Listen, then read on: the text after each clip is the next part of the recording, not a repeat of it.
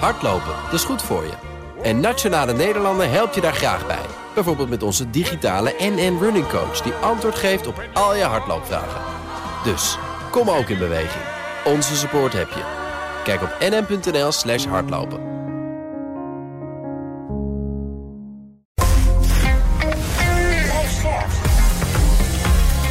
BNR Nieuwsradio. BNR breekt. Ivan Verrips. Goedemorgen en welkom. Vanaf half twaalf praat ik over het nieuws van de dag. Over de asieldeal. Moet het kabinet terug naar de tekentafel nu een nareisverbod wettelijk is afgekeurd, wat eigenlijk al heel lang werd verwacht. En we gaan het hebben over de inflatie en wat die met onze gezondheid doet. In mijn panel vandaag Martine Doppen, klimaatactivist, campaigner bij reclame Fossielvrij. Goedemorgen. Goedemorgen. Fijn dat je er bent. En Joris Hetterscheid, de voormalig voorzitter van de Jonge Democraten. Goedemorgen. Goedemorgen. Goed dat je er bent. We gaan beginnen met. BNR breekt. En Breekijzer. het breekijzer heeft te maken met de energietransitie. Volgens het Internationaal Energieagentschap zijn we nou best wel aardig op weg met de verduurzaming. De komende vijf jaar gaat er net zoveel vooruitgang worden geboekt als de afgelopen twintig jaar. Een belangrijke aanjager van die vooruitgang is, hoe cru ook, de oorlog in Oekraïne. En de eerste mijlpaal die zal over drie jaar zijn, zegt onze klimaat- en energieverslaggever Mark Beekhuis. Dan hebben we meer elektriciteit van duurzame stroombronnen. Terwijl nu is bijvoorbeeld de grootste bron nog kolenstroom. Maar dat wordt dan ineens gepasseerd. En nog weer twee jaar later, in 2027, aan het eind van de periode waar ze naar kijken... dan is zon op zichzelf de grootste stroombron in de wereld. Dat gaat echt heel erg hard. Nou, klinkt allemaal goed, maar volgens het IEA is er altijd nog ruimte voor verbetering. In het rapport staat eigenlijk, het gaat nu belachelijk hard... maar het zou nog 25% extra hard kunnen. Als in de westerse landen, de rijke landen... wij eh, wat beter de zaken regelen met vergunningen... zodat dingen gewoon sneller geregeld kunnen worden. En in de armere landen, daar hebben ze een ander issue... daar is vooral de financiering een probleem. Dus daar zouden overheden wat voor moeten regelen... en ook wel de rechtszekerheid. Dus dat je zeker weet dat je niet genationaliseerd wordt bijvoorbeeld... zodat mensen durven te investeren. Ons breekijzer vandaag is... we moeten miljarden blijven pompen in de vergroening van de energiesector. Wat vind jij? Ben je het ermee eens? Is volgens jou misschien eh, nu het moment om door te pakken... en te blijven investeren in een groene toekomst? Of ben je het oneens en denk je, nou ja, die transitie die is lekker op gang... Uh, laat het maar lekker aan bedrijven over... en wij kunnen die centen op andere plekken goed genoeg uh, ook gebruiken. 020 468 4 keer 0 als je wil reageren. Dus 020 468 4 keer 0 ons breekijzer. We moeten miljarden blijven pompen in de vergroening van de energiesector. Reageren kan ook via Instagram. Daar heten we BNR Nieuwsradio. Kijk even in de stories. Kan je daar stemmen. Krijg je over 20 minuten een tussenstandje van me. Zometeen hoor je mijn panelleden het erover denken. Maar ik begin bij André Faai. Hij is hoogleraar energiesysteemanalyse bij de Rijksuniversiteit Groningen. En wetenschappelijk directeur van TNO Energietransitie. Goedemorgen, André. Goedemorgen. Uh, we moeten miljarden blijven pompen in de vergroening van de energiesector. Wat vind jij? Nou, laten we die eerst eens iets anders uh, formuleren. We moeten heel veel investeren in die uh, duurzame energievoorziening en energiebesparing. Mm -hmm. En dat is heel wat anders dan geld pompen, want dat klinkt als van we zijn dat geld kwijt en dat is uh, zonde. waar het om gaat is dat die investeringen op dit moment in duurzame energie en besparing heel erg rendabel zijn. Want we weten inmiddels allemaal heel goed op huishoudniveau en ook in bedrijven dat gas en olie verschrikkelijk duur zijn. Mm -hmm. En dat uh, leidt tot energiearmoedeproblematiek. Het leidt tot bedrijven die, uh, die sluiten. En het hangt in de lucht dat we een periode van economische recessie ingaan door die hoge, economische, oh, door die hoge energieprijzen. En juist die duurzame energie en die energiebesparing zijn daardoor verschrikkelijk rendabel. En daar, daar is het vooruitzicht ook van dat we daarmee die toekomstige energievoorziening veel stabieler kunnen maken, maar ook goedkoper dan blijven leunen op fossiel. Ja. Dus het is buitengewoon verstandig om die investeringen te doen... en ook die, de snelheid van die investeringen op te voeren... zoals de IEA ook, uh, ook uh, adviseert. Ja, Oké, okay. jij zegt uh, liever investeren dan geld pompen in. Dat snap ik heel goed. Gaat het wel om miljarden? Klopt dat wel? Ja, het gaat om, uh, om vele miljarden, ja. absoluut. Vergis je niet dat uh, we ook vele miljarden uitgeven aan het importeren van heel duur vloeibaar aardgas. Hè? Dus uh, die kosten die zijn bijna vertienvoudigd mm -hmm. ten opzichte van de situatie voor, voor COVID en zeker voor de oorlog in de Oekraïne. En dat is geld wat je ieder jaar uitgeeft op de markt en daar zie je niks van terug. Maar die investeringen die we kunnen doen in bijvoorbeeld verduurzamen van de woningbouw en uh, energiebesparing uh, in bedrijven, andere energiedragers, dat zijn investeringen die waarde toevoegen aan bijvoorbeeld die woningvoorraad en die die bedrijven veel minder kwetsbaar maken voor uh, hoge energieprijzen. Ja, je zegt we komen in een recessie of zitten in een recessie. Is het dan juist slim om daar nu heel veel geld in te stoppen? Kan je niet beter een beetje de hand op de knip houden? Nee, nee, in tegendeel. Want uh, zoals gezegd, de, de, de hoge kosten worden veroorzaakt door die uh, hoge importprijzen van fossiele energie. En daarmee, uh, dan kun je zeggen, ik, kan, ik ga minder investeren, maar daarmee los je het probleem niet op. Juist het investeren in bijvoorbeeld de grote windparken op de, op de Noordzee, dat zijn de grote stappen waar uh, Nederland voortgang mee kan maken. Ook het verduurzamen van de woningbouw is ook iets waar we de komende 15 jaar enorme stappen kunnen zetten. En het gasgebruik bijvoorbeeld sterk terug kunnen brengen. Dat zijn structurele verbeteringen. Dat is ook iets waar het Centraal Planbureau in Nederland erg voor pleit. En we hebben nu allerlei noodmaatregelen, een beetje labmiddelen om die, die pijn van die hoge energieprijzen wat te verzachten. Maar dat dat zijn uitgaven die niks oplossen. Uh, wat iets oplost is om die uh, verduurzaming van die energievoorziening op een veel hogere, uh, hogere snelheid uit te voeren. André, blijf bij me. Dan gaan we zo meteen nog even de diepte in over waar we dan dat geld in moeten gaan stoppen. Hoe dan, wie dat moet doen. of het er misschien ook wel te veel kan. Al dat soort vragen. Welke randvoorwaarden er nodig zijn. Eerst nog wat je in mijn panel. Martine Breekijzer, we moeten miljarden blijven pompen. Ik zeg het toch maar zoals we hem bedacht hadden. In de vergroening van de energiesector. Ja, helemaal mee eens. En dat is inderdaad een hele goede investering. En we moeten ook vooral dat geld weghalen bij de subsidies die nog altijd aan de fossiele industrie worden gegeven. Dus dat is een hele goede verschuiving daarvan. Mm -hmm. En het is niet alleen. Uh, Gebeurt het al? Nee, er, zijn, er wordt nog steeds miljarden per jaar geïnvesteerd vanuit de Nederlandse overheid in fossiele, energie, in de, van die fossiele uh, bedrijven. Mm -hmm. En daar was een afspraak over gemaakt tijdens COP26 in Glasgow. En Nederland is een van de weinige landen die zich daar niet aan heeft gehouden om te stoppen met die fossiele subsidies. Mm -hmm. Dus dat is nog extra, zijn extra miljarden die we kunnen worden geïnvesteerd in echte hernieuwbare energie. En daarnaast is het ook heel belangrijk wat hier ook gezegd wordt, uh, om juist in het globale zuiden, in de lage landen, waar nu nog heel veel afhankelijkheid is, ook van de fossiele uh, industrie, en waar die energie. Um, vraag omhoog gaat om daar direct te investeren in hernieuwbare energie. En we hebben wereldwijd ook afgesproken dat er 100 miljard per jaar naartoe moet gaan. Daar komt Nederland ook niet aan, aan het aandeel daarin. Dat halen ze juist uit andere potjes, wat sowieso naar het globale zuiden zou gaan. Dus we moeten heel hard daarom blijven investeren. Want wat fossiele bedrijven nu doen, is juist dat ze uh, gas gaan boren uh, in nieuwe bronnen eigenlijk. In met name het uh, continent Afrika. Ja, en dan kunnen wij dat denken in Europa dat we het allemaal lekker voor elkaar hebben over een jaar of 10, 20. Maar dan, ja, als je de rest van de wereld bekijkt, dan is het nog steeds een viesbende. Daar. Ja, precies. Ja. En het doel ook heel erg van die boringen, die gasboringen in Afrika, is om uiteindelijk ook weer Europa van gas te voorzien. Dus we moeten daar ook heel erg mee oppassen. Ja. Dat we daar wegblijven. totdat die groene utopie er is, die groene toekomst, hebben we denk ik fossiel wel een tijdje nodig nog. Jij zegt uh, stoppen met investeren daarin. Maar als je nu de gaskraan gaat dichtdraaien, hebben we wel een heel groot probleem. Ja, dat gaan we ook absoluut niet doen. Dat kan ook helemaal niet. Nee. Uh, maar we kunnen wel heel veel energie besparen. En dat doen we nog absoluut niet optimaal. We moeten alle sociale huurwoningen nog steeds gaan isoleren. Oh ja. Dat kan veel sneller. En wat hier ook wordt gezegd door André van die vergunningen, dat is echt een heel groot probleem. En in het globale zuiden is die financiering een groot probleem. Dus we moeten wat minder bureaucratisch zijn met z'n allen. En gewoon echt uh, flink, flink gas geven, moet ik zeggen. flink doorpakken. Flink, de, de, ja, uh, een nieuwe. nou nieuwe dat flink geen gas geven. Flink geen ja, gas geven, ja. Joris. Ja, ik ben het ook helemaal eens met de stelling. Ik denk dat dit, uh, dit is de belangrijkste opgave van het moment. Dus we moeten blijven investeren. Maar er moet natuurlijk wel tegenover staan aan de andere kant.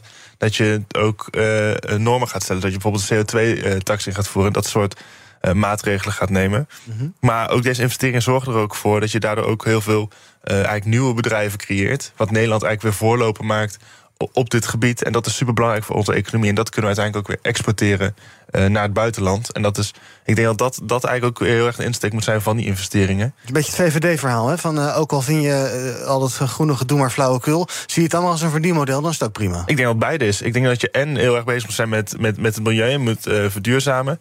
En het is natuurlijk een heel goed verdienmodel voor, voor ons land. Het daar maar eens, Martine? Is het NN? Of, uh, is, nou, is ik vind vooral dat we onze verantwoordelijkheid moeten nemen, gaan nemen nu als Nederland. Want we hebben een heel groot deel van de klimaatcrisis veroorzaakt. En we, hebben, we zijn al veel verder dan vele andere landen, met name in het globale zuiden, in uh, duurzame technologieën. Mhm. En die moeten we absoluut niet gaan verkopen. Die moeten we gratis delen met het globale zuiden. Zodat daar ook de energietransitie snel kan gaan. Ja, André, waar moeten die investeringen vandaan komen? Is dat voornamelijk publiek geld? Is dat privaat geld? Is dat NN? En zo ja, hoe ligt die verhouding dan? Ja, nee, het, is, uh, het is zeker uh, en en. Kijk, de, de, de feitelijke situatie dat uh, eigenlijk die hele energietransitie met als een duurzame energiecapaciteit en de besparingsmaatregelen is eigenlijk rendabel als je dat afzet tegen de huidige prijzen van, van olie en gas. Mm-hmm. En dat betekent ook dat het voor bedrijven heel aantrekkelijk is om te investeren in maatregelen. Want die verdienen zich in een redelijke termijn terug. Een belangrijk punt is vooral planning. Hè. Dat gaat deels ook over technieken die, eh, die nog verder uitgerold, opgeschaald moeten worden en, eh, en waar ook in geïnnoveerd moet worden. Er is infrastructuur nodig, bijvoorbeeld elektriciteitsnetten moeten verder verzwaard worden. Er is eh, behoefte aan eh, waterstof, eh, transport en opslagcapaciteit. Dat zijn zaken die in de tijd eh, goed gepland moeten worden. En dat laatste, dat is vooral een zaak van de, van de overheid, want die zit eigenlijk in die in die overzichtsrol. Dat kun je niet aan, aan individuele bedrijven vaak, uh, vaak overlaten. Hm. Nou, kijk je naar uh, de huishoudens, ook daar geldt dat uh, beter isoleren, de warmtepompen, de PV-panelen, et cetera, is overal ook rendabel. Dus je mag ook van huiseigenaren verwachten van, hey, doe dat, want dat verdient zich terug. Dat geldt ook voor woningcorporaties. Ja. Het grote punt daarin is dat voor een behoorlijk deel van de individuele huishoudens, dat die kosten niet direct gedekt kunnen worden. Dat hebben mensen niet beschikbaar. Maar daar kun je heel veel dingen doen in uh, uh, financieringsvormen. Bijvoorbeeld door dat op te nemen in een hypotheek. Gebouwgebonden financiering is ook uh, vaak genoemd.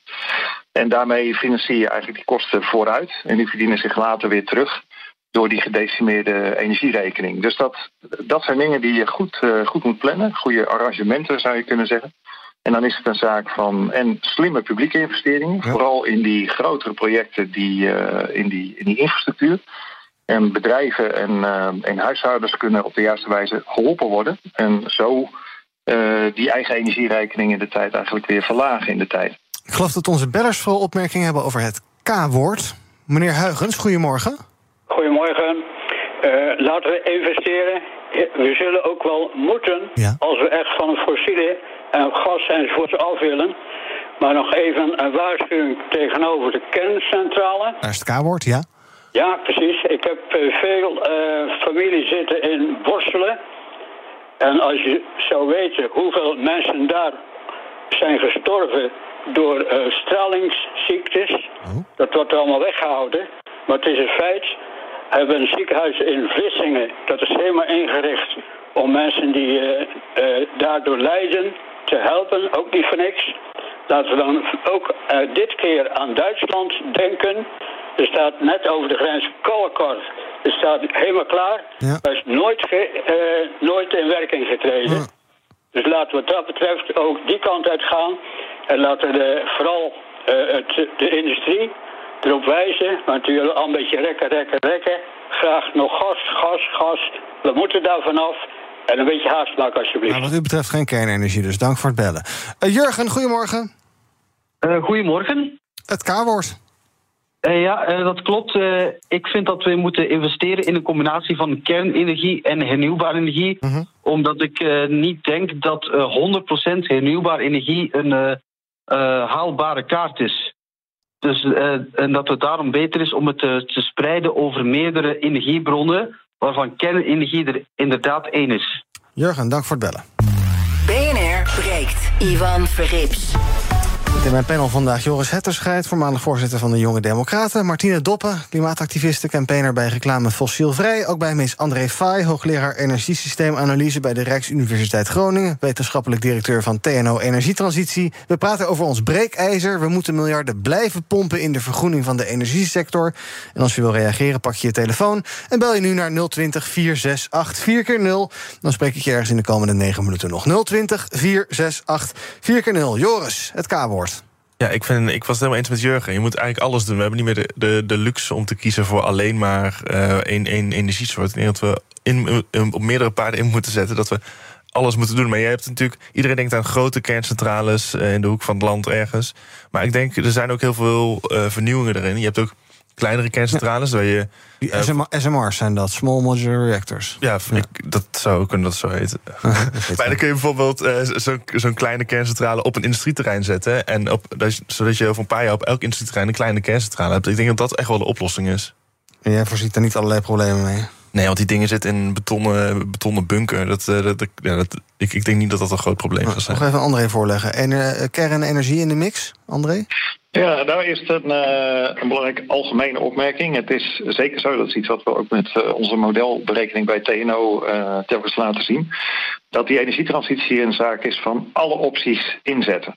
En op het moment dat je discussies gaat hebben van nou, we willen liever geen windmolens op land, of geen biobrandstoffen, of geen CO2-opslag, of geen kernenergie, dan wordt het des te moeilijker om dat doel te halen. En het wordt bovendien steeds duurder. En naarmate je opties zeg maar niet wil, dan moet je meer doen met de resterende opties. En dan kom je vaak in uh, de meer extreme uh, toepassingen uh, terecht. Dat is alleen al voor windturbines duidelijk. Als je zegt van nou, ik zet ze op land, dan zijn ze goedkoop. Zet je ze in het water ietsje duurder. Zet je ze verder weg in het water, wordt het nog wat duurder enzovoort.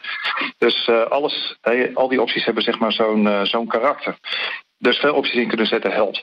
Nou, voor kernenergie geldt dat uh, op een bepaalde manier ook, maar met een nuance. Uh, kerncentrales zijn op zich qua elektriciteitsleveranciers uh, helemaal niet zo goedkoop als het gaat om de kosten per kilowattuur, zeg maar. Mm -hmm. Zonne-wind doen dat beter, maar op het moment dat je kernenergie inzet, kun je dat veel constanter inzetten, heb je weer minder investeringen nodig in alle netverzwaring en ook opslag om het fluctuerend karakter van zon en wind uh, op te vangen. Dus het is een beetje om het even. Nou, voor Nederland is op dit moment een, een lastige vraag. Gaat die kernenergie, dus de inzet van twee centrales, maar mogelijk later meer, hè, dat kunnen ook die, die nieuwe type reactoren zijn die al genoemd zijn, die small modular reactors, maar er moet nog behoorlijk wat aan uh, ontwikkeld worden voordat die echt gebouwd kunnen worden. Of dat die transitie in Nederland nu gaat versnellen of niet. En wat we vanuit ons onderzoek ook zien, is dat je kernenergie op zich heel efficiënt kunt realiseren. Dus doe je alles goed met de vergunningen, de veiligheidsmaatregelen, je hebt duidelijkheid over, uh, over het ontwerp, hè, dat je dat ook niet halverwege aan gaat passen. Mm -hmm. Dan zou je zo'n centrale uh, binnen tien jaar en misschien zelfs wel uh, acht jaar kunnen bouwen. In het buitenland, bijvoorbeeld Korea, Verenigde Arabische Emiraten, is dat vertoond. Maar uh, als we zo'n traject ingaan met heel veel discussie daaromheen en twijfels en uh, veranderingen in, uh, in de aanpak halverwege, dan kan de, die tijd rustig verdubbelen. Hm. En dat hebben we bijvoorbeeld gezien in Finland en in Engeland in, in Europa. Dat zijn een paar van de recente projecten.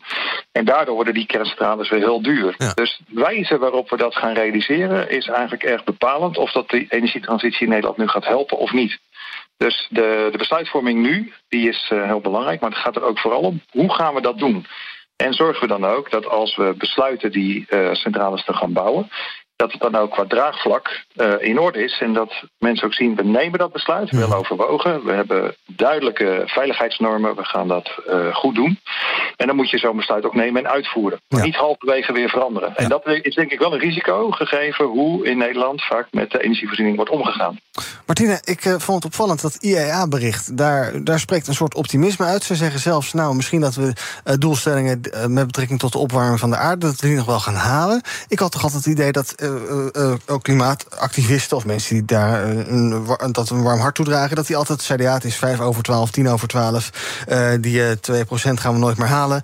En nu krijg ik toch een soort van. Is, is, is, zijn jullie te alarmistisch geweest? Of is het eigenlijk, gaat het best goed de laatste tijd? Wat is er aan de hand? Het gaat helemaal niet goed de laatste tijd. Oh, en ik denk, gelukkig, fijn, we, we, kan, moeten, kan het pessimisme weer terugkomen. Ja, we moeten veel harder investeren. En ik denk dat het, wat hier uitspreekt is het optimisme dat het nog steeds kan. -hmm. En dat is ook zo. Maar we moeten wel echt vandaag... Uh, gisteren moesten we veel meer gaan investeren in hernieuwbare energie. Dus we lopen ontzettend achter. Als je nu kijkt naar de, de doelen voor Nederland 2030... is volgens mij de bandbreedte dat we tussen de 38 en 55 procent... Mm -hmm. CO2-reductie zouden gaan halen.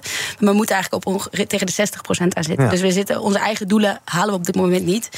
En het is heel goed dat er nu meer, dat er meer aandacht komt voor extra snel investeren vanwege. Helaas vanwege de oorlog. En dat het niet op een andere manier kon.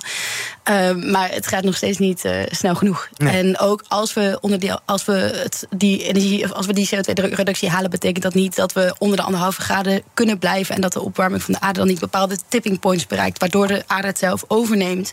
En het echt heel ernstig gevaarlijk wordt. Ja. Nou. Dus ja. Hm, toch, toch weer de put ingepraat. Sorry. Hm, okay. uh, in Amerika heeft Joe Biden die uh, Inflation Reduction Act aangekondigd. Een subsidiepakket om, uh, nou, ik geloof wel honderden miljarden in vergroening te steken. En bijvoorbeeld Amerikanen die krijgen ook subsidies als ze dan een elektrische auto kopen... die wel in Amerika aan elkaar gezet is. Ben, ben, je, ben je daar enthousiast? Dat soort, dat soort initiatieven moeten we die in Europa ook gaan nemen? Sorry, ik was heel veel af wat. wat? Oh, de, de Inflation Reduction Act van Joe Biden... waar dus honderden miljarden voor vergroening in zitten. Moeten ja. we dat soort initiatieven hier ook gaan nemen? Zeker, zoveel mogelijk investeren in, uh, in reduction, ja. Weet ook maar eens, joh? Ja, is dat een ja. goed idee? Nee, ik- ik denk dat je echt- Want er is ook wel een soort vrees van... jij, je komt dan een soort eh, economische wapenwedloop... koude oorlogachtige situatie terecht. Moet je dat wel willen? Dat we elkaar gaan eh concurreren op eh, vergroening? Nou, ik denk dat je als overheid best wel in kan zetten op, op, op het stimuleren wat er in jouw land is gemaakt. Want dat zie je in heel veel landen. Maar ehm, ik denk dat je op dit moment gewoon zoveel mogelijk moet doen. Dus alles wat je kan doen, dat, dat moet je doen. Ik denk dat dat geldt voor de overheid, maar ook voor ons als burgers. Eh, kijk, de overheid eh, moet zorgen voor subsidies dat iedereen zonnepanelen op zijn dak kan leggen. Maar dan de burgers moeten dan vervolgens nog wel eh, dat aan gaan vragen. Ja. En dan kan de overheid natuurlijk heel erg gaan stimuleren. Maar dat is uiteindelijk ook weer een rol voor onszelf om dat dan vervolgens ook te doen. Marcus, goedemorgen. Ja, goedemorgen. Hallo. Hallo, zeg het maar. Ja, ik eh, wou reageren eigenlijk op eh, het investeren in groene energie. Eh nou zijn we al een eind op weg, een aantal jaren met Elon Musk met zijn Tesla-auto. En andere hybride auto's, autofabrikanten die, daar, die daaraan meewerken. En eh, nou zie je China, dat, dat rijdt nog vol met oude auto's. En Amerika. Oh, verbinding weg. Nou, ik weet niet. Ik denk, ja, nou, Oude auto misschien. Ja, misschien moeten we even zelf invullen wat Marcus wilde vragen. Dat is een beetje raar natuurlijk. Maar dat sluit misschien ook wel aan, Martien, bij wat jij zei. Jij kijkt heel erg naar wat doen wij in ons land. Maar wij zijn maar een postzegeltje op de aarde. Dus ja, stel dat wij het nou niet halen, die eh, 60% die we niet gaan halen. Maar dat we die 55 ook niet halen. Hoe erg is dat dan? Ja, dan halen wij het hier niet. Dat is eh, slecht voor Den Haag enzovoort. Maar op de wereldschaal is dat heel erg? Zeker, want ik denk dat wij juist nog veel meer moeten gaan eigenlijk halen dan die 60% Juist om landen. Nog meer dan 60. Nou ja, ik, ik, het kan niet snel genoeg gaan. Ik denk dat we nog veel meer verantwoordelijkheid moeten nemen. Want wij zijn hier ontzettend rijk geworden van, ehm, eh, van de fossiele, eh, de hele industriële revolutie en de hele fossiele, alle fossiele brandstoffen die we met name ook uit andere landen hebben gehaald. En we moeten die nu gaan investeren en juist ook onze kennis delen, ehm, eh, financiële steun bieden aan landen die nog die, die ontwikkelingen niet hebben gehad. En eh, ja, het is heel makkelijk om, om naar China te wijzen. Ja. Eh, maar ook een heel groot deel van alles wat wij consumeren hier wordt daar gemaakt. Dus een deel van de uitstoot van China is eigenlijk van Europa Ja. en van de VS. Kun je toewijzen aan ons? Ja, Dus ik, en ik denk dat we als Nederland, dat zag je na de kop ook, heel erg het vingertje wijzen naar China. Die houdt de onderhandelingen tegen. Maar ja, het is, eh, dat, dat wordt nooit meegenomen. Het is heel makkelijk om te zeggen ja, maar China. En dan zelf niks doen. Nee, en tot die tijd allerlei lekker gratis eh, troepjes uit van AliExpress importeren... die allemaal gratis hierheen gevlogen Ja, worden. precies. Dus we moeten echt structureel, of gewoon het hele systeem moeten, moeten we veranderen. En dan hoef je dus ook niet over kernenergie te gaan beginnen. Want we moeten die hele energieconsumptie naar beneden. We kunnen zoveel meer besparen nog als we niet zo ontzettend veel consumeren. Dan blijft het leven wel leuk. Dan gaan we, gaan we niet allemaal thuis leven zitten. was vroeger ook heel erg leuk toen we dat nog niet deden. Ja, Oké, maar goed, voor- vooru- vooruitgang wordt door veel mensen gezien als economische groei... en meer en beter en eh, harder. En, eh, Ja, maar wat is vooruitgang? Als je altijd beter wil, be- wil- meer wilt, dan ben je nooit tevreden. En volgens mij zit juist heel geluk zit in tevredenheid met wat, dat wat er wel is. bijna, Je kan- filoso- wordt bijna filosoof. Nee, heel goed. ja. Ehm, dus ik denk dat niemand echt gelukkig wordt uiteindelijk van alles wat je op AliExpress bestelt. Maar dat je juist gelukkig wordt van de dingen die, eh, ja, van liefde, familie, vrienden. Die echt waarde Die geven. echt waarde geven, ja. André, eh, hoe eh, realistisch is het tot slot... omdat we eh, ooit helemaal onafhankelijk van gas en olie gaan, gaan, gaan worden? Gaat dat moment ooit een keer komen? Of denk je van niet? Dat is, eh, da- daar ben ik eh, heel helder in. Dat is zonder meer mogelijk. Dus ik ben absoluut eh, optimistisch en ook denk ik goed onderbouwd dat we die, eh, die hele energietransitie richting 2050, bijvoorbeeld in Europa, maar ook in andere landen, die kunnen we zeker realiseren. Dus we kunnen op nul emissies komen. En dat kan ook, mits goed georganiseerd. En daar, daar hangt wel heel veel mee samen met die organisatie. Eh, dat dat ook op een rendabele manier kan. En uiteindelijk goedkoper dan blijven leunen op, eh, op olie en gas. Dat wordt schaarser. We zien ook eh, wat er nu gebeurt als die prijsniveaus heel erg omhoog gaan. En een, een duurzame energievoorziening, inclusief de verbeteringen in de gebouwde omgeving. andere fabrieken, veel meer circulaire productie en consumptie. Dus dat is ook een plek waar heel veel bespaard kan worden. Ook de transportsector grote stappen zetten met alternatieve brandstoffen en, en elektrificering. Dan is, dat, eh, dan is dat mogelijk. Cruciaal daarin ook, dat is echt een, factor die ik graag nog even wil noemen. En dat hangt ook erg samen met de lijn die het International Energy Agency nu ook, eh, ook duidelijk hier inziet. Heel veel van de veranderingen worden gedreven door economische argumenten. Het is eh, misschien heel vervelend. Ik ben het ook eens met de principiële zaken waarom we dit moeten doen. Klimaatverandering is het absoluut prioritaire probleem. Maar zaken komen in beweging op het moment dat het eh, rendabel is. En dat komt nu deels door eh, de oorlog in Oekraïne. Dat is buitengewoon cynisch en, en tragisch. Maar het komt ook door innovatie. We zijn uh, buitengewoon uh, gelukkig met de voortgang die is geboekt de afgelopen tientallen jaren met de zonnepanelen, met de windturbines, met de elektrische auto's. En we zien die kosten dalen, maar dat komt door investeringen in onderzoek, in technologie en ook in goede internationale samenwerking. We hebben daar nog heel veel van nodig. Want ook die fabrieken van de toekomst bijvoorbeeld, die circulair en op groene energie kunnen draaien, die transportsector, bijvoorbeeld de, de resterende vliegtuigen, laat ik het zo noemen. Mm zware wegtransport en scheepsvervoer, dat moet allemaal nog vergroend worden. En dat kan rendabel, mits er uh, fors en echt, echt massaal wordt geïnvesteerd in innovatie en technologieverbetering. Dat kunnen we, maar daar wordt nog steeds te weinig aan gedaan. Daar kan ook heel veel internationaal worden samengewerkt. Bijvoorbeeld tussen Europa en Noord-Amerika. Dat zou heel goed zijn om daar veel meer te werken aan allianties, om die inspanningen op dat vlak uh, te combineren. En dan kun je ook die kostendalingen veel sneller realiseren. Dat is ja. ontzettend belangrijk in het beleid. Heel kort in twee zinnen nog. Heb je het idee dat de randvoorwaarden aanwezig zijn om dit uh, te regelen met elkaar? Of moet daarvoor nog wel bijvoorbeeld in politieke systemen een en ander gaan veranderen? Nou, ik denk, er zijn bijvoorbeeld Europees hele belangrijke stappen gezet. Het emissiehandelssysteem is veel beter op orde. Er zijn fondsen, hè, er is echt veel kapitaal beschikbaar om dit te doen. En ook de doelstellingen op bijvoorbeeld Europees niveau zijn, uh, zijn op orde. Heel belangrijk is goede beleidsimplementatie. Al die doelen en die, uh, die trajecten, die moeten nog worden vertaald in bijvoorbeeld goede planning, in snellere vergunningverlening, bijvoorbeeld in die innovatietraject. Het gaat ook deels om opbouwen van nieuwe industriële capaciteit. Daar is veel betere planning en implementatie mogelijk. Je ziet dat het daar vaak hapert. Uh, dat er dingen niet op tijd geregeld worden. Dan zijn er weer vertragingen, lopen kosten op. Dus met name bestuurlijk, uh, en dat is in Nederland zo, maar dat geldt ook op Europees vlak, is er een wereld te winnen. En dat valt in staat dus met uh, politiek leiderschap. Dankjewel André Vaai, hoogleraar energiesysteemanalyse bij de Rijksuniversiteit Groningen. Wetenschappelijk directeur van TNO Energietransitie. En ik wil tot slot nog eventjes Patrick aan het woord laten. Goedemorgen Patrick. Ja, hallo, met Patrick Simons. Want jij, jij, wil geloof ik wel, maar wordt een beetje tegengehouden in uh, ver, vergroeningen? Ja. En dat, dat zijn ook factoren die je mee moet nemen. Ik wil zeker, ik wil verduurzamen. Niet omdat het gas en alles en elektra zo duur is. Ja, zeker. Maar ook om gewoon goed te zijn voor de wereld. En ja. dat moeten we allemaal ook in beschouw nemen. En waar loop je tegenaan dan? Dus, nou, ik wil, ik wil, ik wil. Maar onze welstand, onze schoonheidscommissie zegt... Nee, dat mag niet. Oh. Ik wil op mijn huis zonnepanelen, maar dat mag niet aan de straatkant, want dan kunnen wij zien. En dan is het niet het mooiste beeld wat wij maar kunnen bedenken van de straat. Uh. Ja, hallo, ik wil, maar het mag niet. Ja.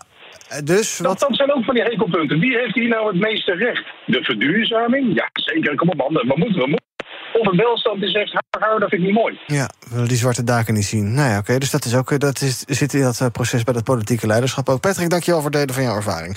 Instagram, daar is uh, 53% het eens met onze stelling... we moeten miljarden blijven pompen in de vergroening van de energiesector. Daar kan je nog de hele dag reageren.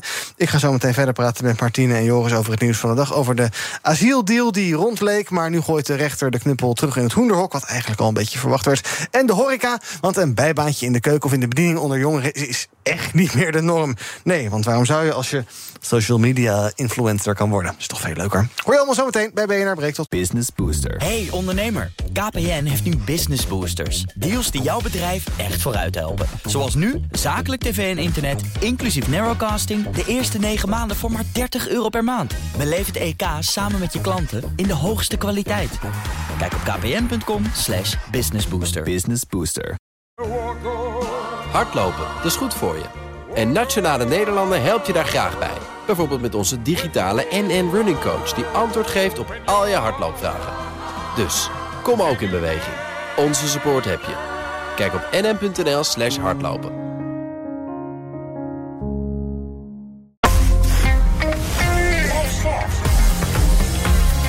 BNR Nieuwsradio. BNR breekt. Ivan Verrips. Welkom terug in mijn panel vandaag. Martine Doppen, klimaatactiviste, campaigner bij Reclame Fossielvrij. En Joris Hetterscheid, oud-voorzitter van de Jonge Democraten. En wij gaan praten over het nieuws van de dag. Te beginnen bij de asieldeal. Ja, het kabinet dacht een... Uh, perfecte oplossing te hebben gevonden, in ieder geval tijdelijk... om de stroom van migranten naar Nederland een beetje in te perken. We gaan de gezinsherenigingen tijdelijk vertragen. Staatssecretaris Erik van den Burg zei daar in september het volgende over. En de ambtenaren zeggen niet dat het niet kan... Maar die zeggen heel nadrukkelijk wel dat, en ik uh, citeer... de juridische houdbaarheid is geen zekerheid. dat kan het toch niet? Nee, goed. Van den Burg die was daar dus een beetje onduidelijkheid, eh, onduidelijk over. Hij wist simpel niet of het nou allemaal eh, mocht of niet. Nou, inmiddels weten we iets beter. ehm, want de rechtbank in Den Haag. Was het in Haarlem? Ik geloof in Haarlem. Maar goed, is wel duidelijk dat eh, onderdeel van die asieldeal is juridisch niet mogelijk. Juristen en andere experts riepen dat al een tijdje. Kamerleden die zagen dat al aankomen. Eigenlijk zagen heel veel mensen dit al aankomen. Misschien zag het kabinet het ook wel een beetje aankomen. Maar dacht van, "Mwah, dat duurt wel een paar maanden, een halfjaartje tot er een uitspraak is. Dan rommelen we tot die tijd lekker door. Maar nu eh, eh, ja, is dus toch dit deel van de asieldeal die nareisbeperking onwettig verklaard. Kijk toch even naar Joris Hetterscheid. Dit was wel een soort. eh, ja, eh, dit hadden we allemaal kunnen zien aankomen dat dit misging, hè? Dat dit niet ging werken. Ja, dat wist het kabinet volgens mij zelf ook wel. Ja. ja ik word hier echt heel boos van. eh, van, het, van het feit dat, het, dat, die deal, dat dit in de deal- stond. Maar goed, je snapt dat, ze, dat er een compromis moet komen. Maar en ze wisten gewoon dat het niet wettig was. En nu is het inderdaad bewezen. Het is tegen Nederlands en Europees recht. Ja, dat, dat, dat kan gewoon niet. Ik ben heel benieuwd wat er nu gaat gebeuren. Want dit is, was iets heel belangrijks voor de VVD. Mhm. En ik ben heel blij dat het dus nu eh, eigenlijk is teruggedraaid. Want ze mogen van de rechten. Want eh, volgens mij had de, de minister of de staatssecretaris had gezegd... het geldt alleen voor dit gezin Mhm. en niet voor de Ja, rest. Dat denkt Erik van den Burg, ja. Ja, dat lijkt mij dat het voor, voor iedereen geldt. En dat gewoon de gezinshereniging gewoon weer normaal door kan gaan. Want ik, het is niet normaal om zo lang te wachten. Het is gewoon in, in, inhumaan. Ja, dat heeft de rechter dus ook gezegd. Van den Burg zei van ja, die nareisbeperking... dat is gewoon een eh, feitelijke mededeling. Daar is geen wettelijke basis voor nodig. Ook een beetje naïef, hè? Ja, ik, ik, ze, ze kunnen ook niet echt met een nieuwe wet komen. Want het is gewoon tegen Europees, eh, tegen Europees recht. Dus als zij daar een wet op maken, dat, dat, dat kan eigenlijk helemaal niet. Dus je moet je echt, of je moet je eh, terugtrekken van die verdragen. Maar dat is heel lastig. Ja. Is dit een eh, ontwikkeling die je meer ziet eh, bij eh, dit kabinet... en misschien de laatste tijd in de politiek ook... een beetje ja, opportunistisch gerotzooien bij problemen... en dan blijkt dat om te vallen... en dan nou ja, gaan we weer verder een beetje rotzooien. Ja, dat weet het, ik is niet. maar, het is maar weinig onderbouwd. De Tweede Kamer die heeft ook bijvoorbeeld... die kan, je kan wetgeving laten toetsen bij de Raad van State. Die is ook niet gebeurd. Ja, wat, wat is dit nou voor gekkigheid? Ja, ik denk dat in, in dit geval dat ze heel erg dachten van... nou, we doen het gewoon. We in ieder geval die, het eerste half jaar of het eerste jaar kunnen we dat gewoon doen. En dan zien we wel weer verder. Ja, dat- zo, zo werkt het niet. Dat kan eigenlijk helemaal niet. Eigenlijk zou er een soort, een soort toetsing moeten komen... voordat ze iets doen. Ik weet niet of hier een wet voor nodig was. Of, of dat het gewoon een ministeriële maatregel eh, eh, was. Maar ik denk dat het goed... Ja, daar heb je normaal de Kamer voor. Alleen ja, de coalitie zit natuurlijk zo dicht, ge- dichtgetimmerd... dat alles, de, alles doorheen komt Ja, met, zo. met een compromis. Zo'n proces, Martinez, als dit loopt, wat zegt jou dat? Ja, het, ik vind het echt verschrikkelijk. Ik word er echt heel verdrietig van. En eh, gewoon het- hoe de manier waarop er over gepraat wordt, alsof het niet over mensen gaat. En mensen die dus nu in, vaak in oorlogsgebieden op andere manieren niet veilig zijn in hun land. En die dus nog langer moeten wachten. Wat dat met mensen doet, daar, daar zie je gewoon helemaal niks van terug. Ik begrijp echt niet hoe je dit beleid überhaupt kan maken en zo nonchalant ermee om kan gaan. Ja. Eh, ja, en het is gewoon, Nederland moet veel en veel en veel meer gaan doen. Juist om veel meer mensen nog ehm, op te nemen in ons land. En in een veilige plek hier te bieden. Die verantwoordelijkheid hebben we. En die verantwoordelijkheid wordt steeds groter. En dit is ook hoe je ehm, ja, racisme nog verder in de hand werkt in Nederland. Hoe mensen nog ehm racistischer gaan nadenken over eh, vluchtelingen die hier naartoe komen. Omdat je hen continu de schuld geeft van alsof, alsof dit een probleem is. We, we kunnen men- prima die mensen hier opvangen. Het is gewoon een politieke keuze om dat niet te doen. En om niet extra te investeren in opvangplekken. En dat proces niet te versnellen. Dus dit is gewoon een, weer een reden van een, een poging van, van, het, van het huidige coalitie, van het kabinet om te zeggen.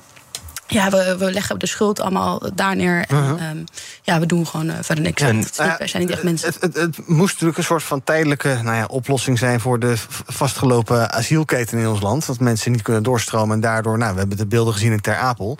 Ehm, maar jij zegt dus er mag wel wat meer oog zijn voor de menselijke maat. Ook in de zin van, dit gaat inderdaad gewoon om mensen. De- Deze zaak die Haarlem, die draait om een Syrische vrouw. Die heeft een asielvergunning gekregen. Eh, en nu heeft de rechter Ja. dus besloten dat haar gezinsleden gewoon moeten worden toegelaten tot dit land. Ja, en die vrouw is ook voor, met gevaar voor eigen leven hier naartoe gekomen. Waarschijnlijk over zee. Die moet hier komen. eh, Dat is de enige manier om hier naartoe te komen. überhaupt gezinshereniging te krijgen. Zodat haar, haar gezin hier wel veilig naartoe kan komen. Zeg maar, al- wat die vrouw heeft meegemaakt voor ze hier komt. En dan op zulk racistisch beleid te stuiten. Dat is echt zo immens. Dat is zo inhumaan. Dat is echt. Ik kan echt niet Ja, geloven. Het, het gaat hier ook niet om mensen die hier voor de lol naartoe komen. Het gaat eh, over het algemeen om mensen die weggaan voor, voor oorlog. Mensen uit Iran die daar weggaan omdat ze daar niet mogen zijn. Voor homo's uit, uit Rusland. Het is toch.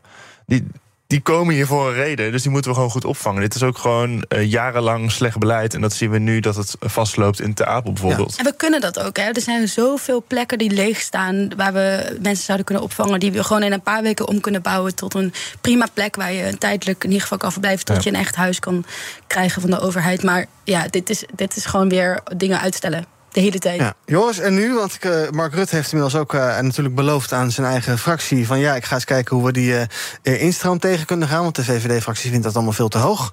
Ehm, ja, wat, wat is nu een oplossing voor dit probleem? dat is, een, een goede vraag voor mij betreft. komt die dwangwet, of ja, de verspreidingswet bedoel ik...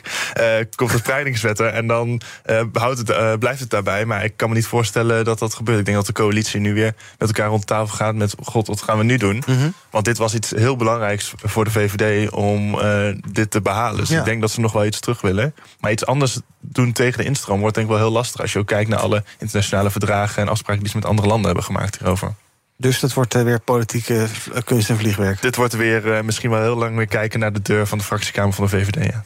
Business Booster. Hey ondernemer, KPN heeft nu Business Boosters. Deals die jouw bedrijf echt vooruit helpen. Zoals nu, zakelijk tv en internet, inclusief narrowcasting... de eerste 9 maanden voor maar 30 euro per maand. Beleef het EK samen met je klanten in de hoogste kwaliteit.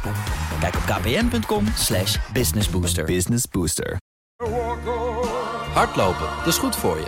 En Nationale Nederlanden helpt je daar graag bij. Bijvoorbeeld met onze digitale NN Running Coach... die antwoord geeft op al je hardloopvragen. Dus, kom ook in beweging. Onze support heb je. Kijk op nn.nl slash hardlopen.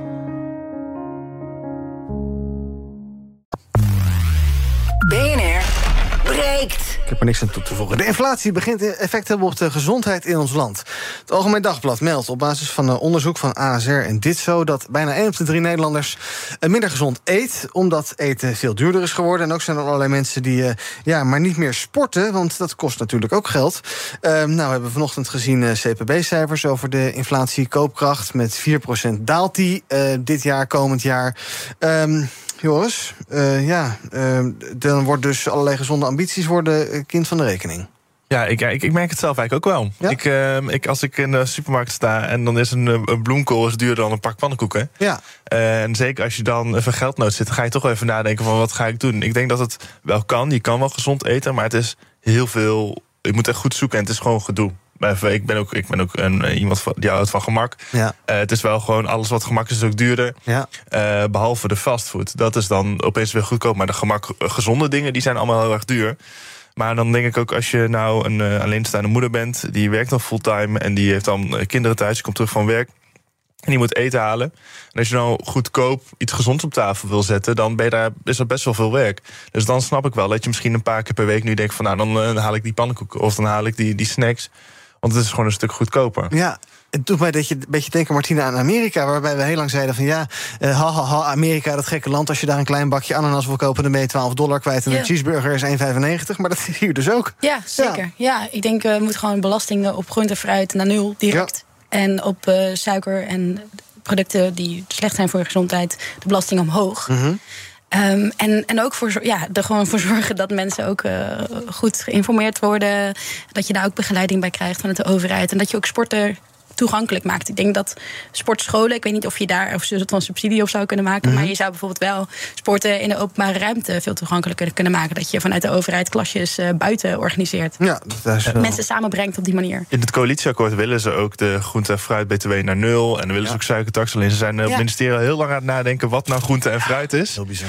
Maar ik, ik, er zijn ook gemeentes die, bijvoorbeeld, volgens mij is dat in Den Bosch, eh, die dan ehm, eh, bijvoorbeeld aan mensen in de bijstand een gratis sportabonnement eh, geven, zodat zij wel Ja. kunnen gaan sporten. Ik denk dat dat hele goede initiatieven zijn. Zeker. En ik denk ook op, op scholen wordt ook steeds vaker eh, eten, gezond eten voorzien, Ja. voorzien aan kinderen. Ik denk dat dat super belangrijk is. Want er zijn zoveel kinderen die met een lege maag naar school komen. En dan inderdaad 's avonds geen gezonde maaltijd hebben. Dus dat school ook meer een plek wordt daarvoor. Allerlei plekken waar je dus iets kan doen, dat is fijn. Eh, we gaan even kijken naar wat jullie is opgevallen in het nieuws vandaag en eh, de afgelopen dagen. Joris, jij wil het hebben over een eh, nieuwe wet in Indonesië... die ehm, eh, eh, seks buiten het huwelijk strafbaar stelt. Wat, wat houdt die wet in? Ja, ze hebben een nieuw eh, wetboek van strafrecht eh, aangenomen. En er staat onder andere in dat seks buiten het huwelijk eh, strafbaar is. Dan kun je een jaar stel krijgen. Ja. Maar ook ehm, grapjes maken over de president of over de staatsbedrijven zoals de Belastingdienst of zo, dat is daar ook eh, strafbaar. Dus ik, ik, moest even denken als het in Nederland zou gebeuren. Ik dat, dat, dat heel veel mensen daar dan naar aanraking mee zouden komen. Dat heel veel grapjes worden gemaakt. Ik denk dat allemaal aanwezig hier dan al lang in de bak hadden gezet. Ja, ja. maar ook. ehm, ik, ik maak me ook wel zorgen. Want het is wel erg zorgelijk dat je straks een jaar cel kan krijgen. als je buiten het huwelijk eh, gaat vrijen. Mhm. Eh, Seks voor het huwelijk ook mag geloof ik niet. Hè? Nee, dat eh, mag sa- ook niet. Samenwonen is allemaal moeilijk. Nee, en het is dan ook dat je familie kan, kan een aangifte doen. Dus jouw zus kan een aangifte doen van ja, mijn broer die heeft misschien wel eh, dat gedaan. Maar ik ben heel benieuwd. En dan, hoe gaan ze dat controleren? Ga je dan mensen op straat zien die dan gaan controleren? Of ik ja, moest ik denken, dan heb je zo, straks zo'n rechtszaak. En dan hoe, ja, dat lijkt me heel ongemakkelijk ook. Ja. Maar het is heel erg zorgelijk, want je ziet wat er in Iran gebeurt. Met heel veel van die strenge regels. Dat is, eh, dat is gewoon vreselijk. Dus ik hoop niet dat dat in Indonesië... is. Ja, het is natuurlijk al een conservatief land... maar Mhm. dit eh, maakt het allemaal wel een stuk erger. Ja, ze zeggen zelf dat ze doen omdat de huidige wetgeving nog uit de tijd stamt dat Nederland daar de baas was. En ze willen het koloniale verleden loslaten. Nou, ergens wel logisch toch Het- dat je dat een hervorming gaat doorvoeren dan. Dat kan ik wel goed begrijpen. Maar dan is dit misschien niet... Dat zou niet eh, de kant zijn waar ik zelf eh, op Nee, wil gaan. ja, je hebt natuurlijk in een heel ander land met een heel andere cultuur. Ja. Ja, ja, maar het is, ja, het is wel heel erg zorgelijk dat, dat dit zo streng is. En we moeten nog maar zien hoe dit straks gehandhaafd gaat worden. Want als het net zo streng wordt gehandhaafd als dat in het wetboek staat... dan eh, kan het hele, hele erge situaties opleveren. Ja, en mensenrechten, die, eh, nou, ik weet wel niet hoe- hoeveel die waard waren in Indonesië, maar daar kan je Nee. ook wel het gedacht tegen zeggen. Want als je Ja, en de, eh, en de ontwikkeling natuurlijk. Want het is ook een soort seksuele ontwikkeling voor heel veel jongeren. Ehm, en dat, dat kan dan straks gewoon niet. Of je moet, ja, dan krijg je dus, moet je heel vroeg trouwen. Ja.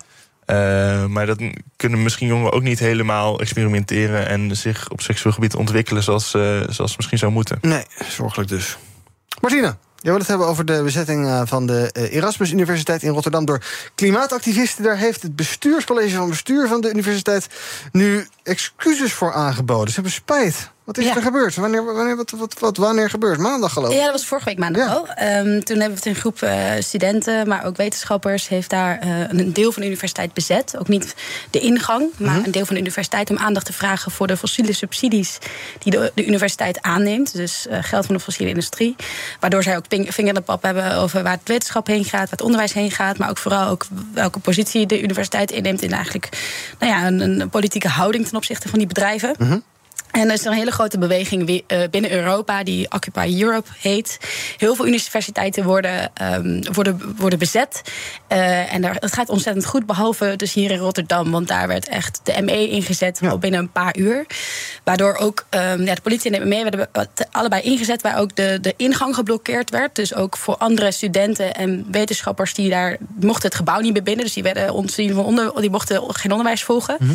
En nou, nu is het college van bestuur daarop teruggekomen en gezegd: ja, we zijn inderdaad veel te ver gegaan. Ja. En we gaan met jullie in gesprek. Maar dat is uiteindelijk wel nadat er heel veel eh, druk is gezet vanuit enorm veel wetenschappers en studenten. 500 die een brief hebben ondertekend. Ja, precies, precies. Dus ja, en nu zeggen ze eigenlijk van ja, maar wij hoeven het college van bestuur niet meer. Als jullie onze veiligheid voor demonstreren en onze, ons recht eigenlijk om, om onze mening over deze universiteit en waar het heen moet en de democratie eigenlijk van de universiteit niet waarborgen, dan Ja.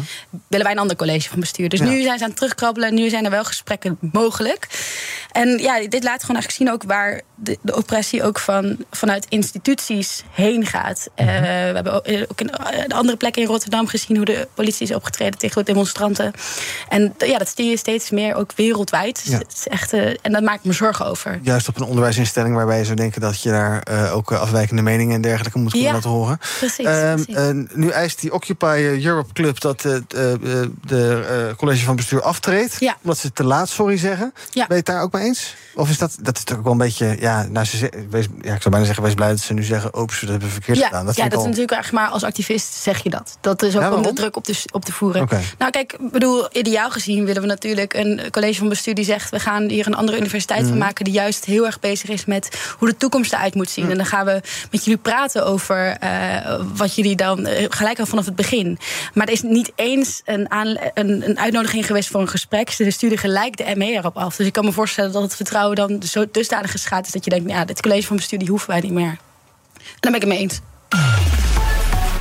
Gaan we kijken wat er trending is op de socials. Hashtag Schiphol is populair. Mensen zijn boos op de luchthaven.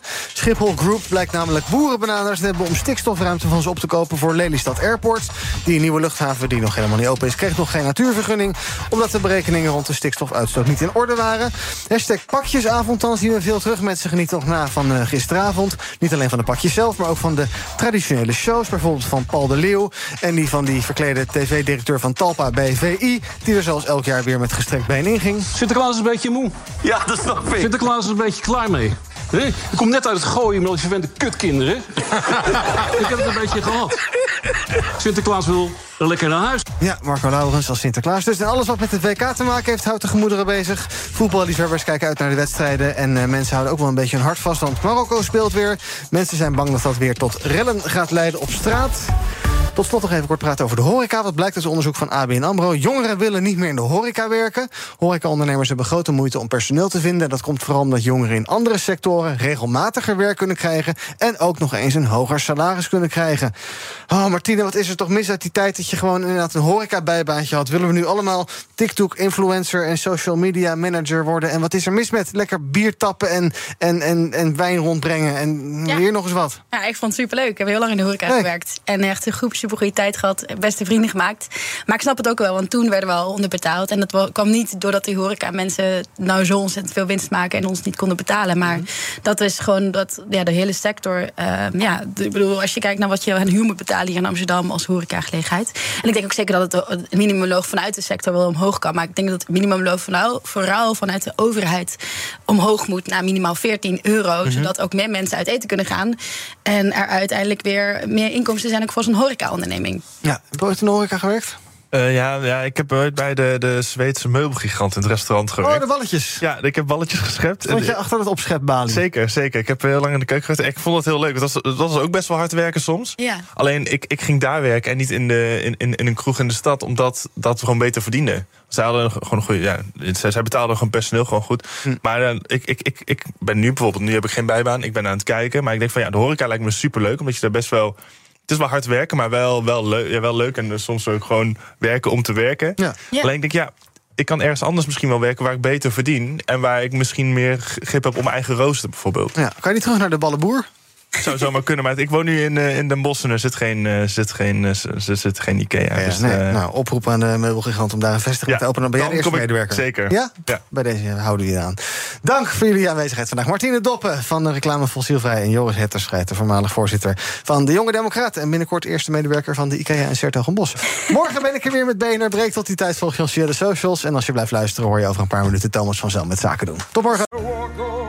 Hardlopen, dat is goed voor je. En Nationale Nederlanden helpt je daar graag bij. Bijvoorbeeld met onze digitale NN Running Coach... die antwoord geeft op al je hardloopvragen.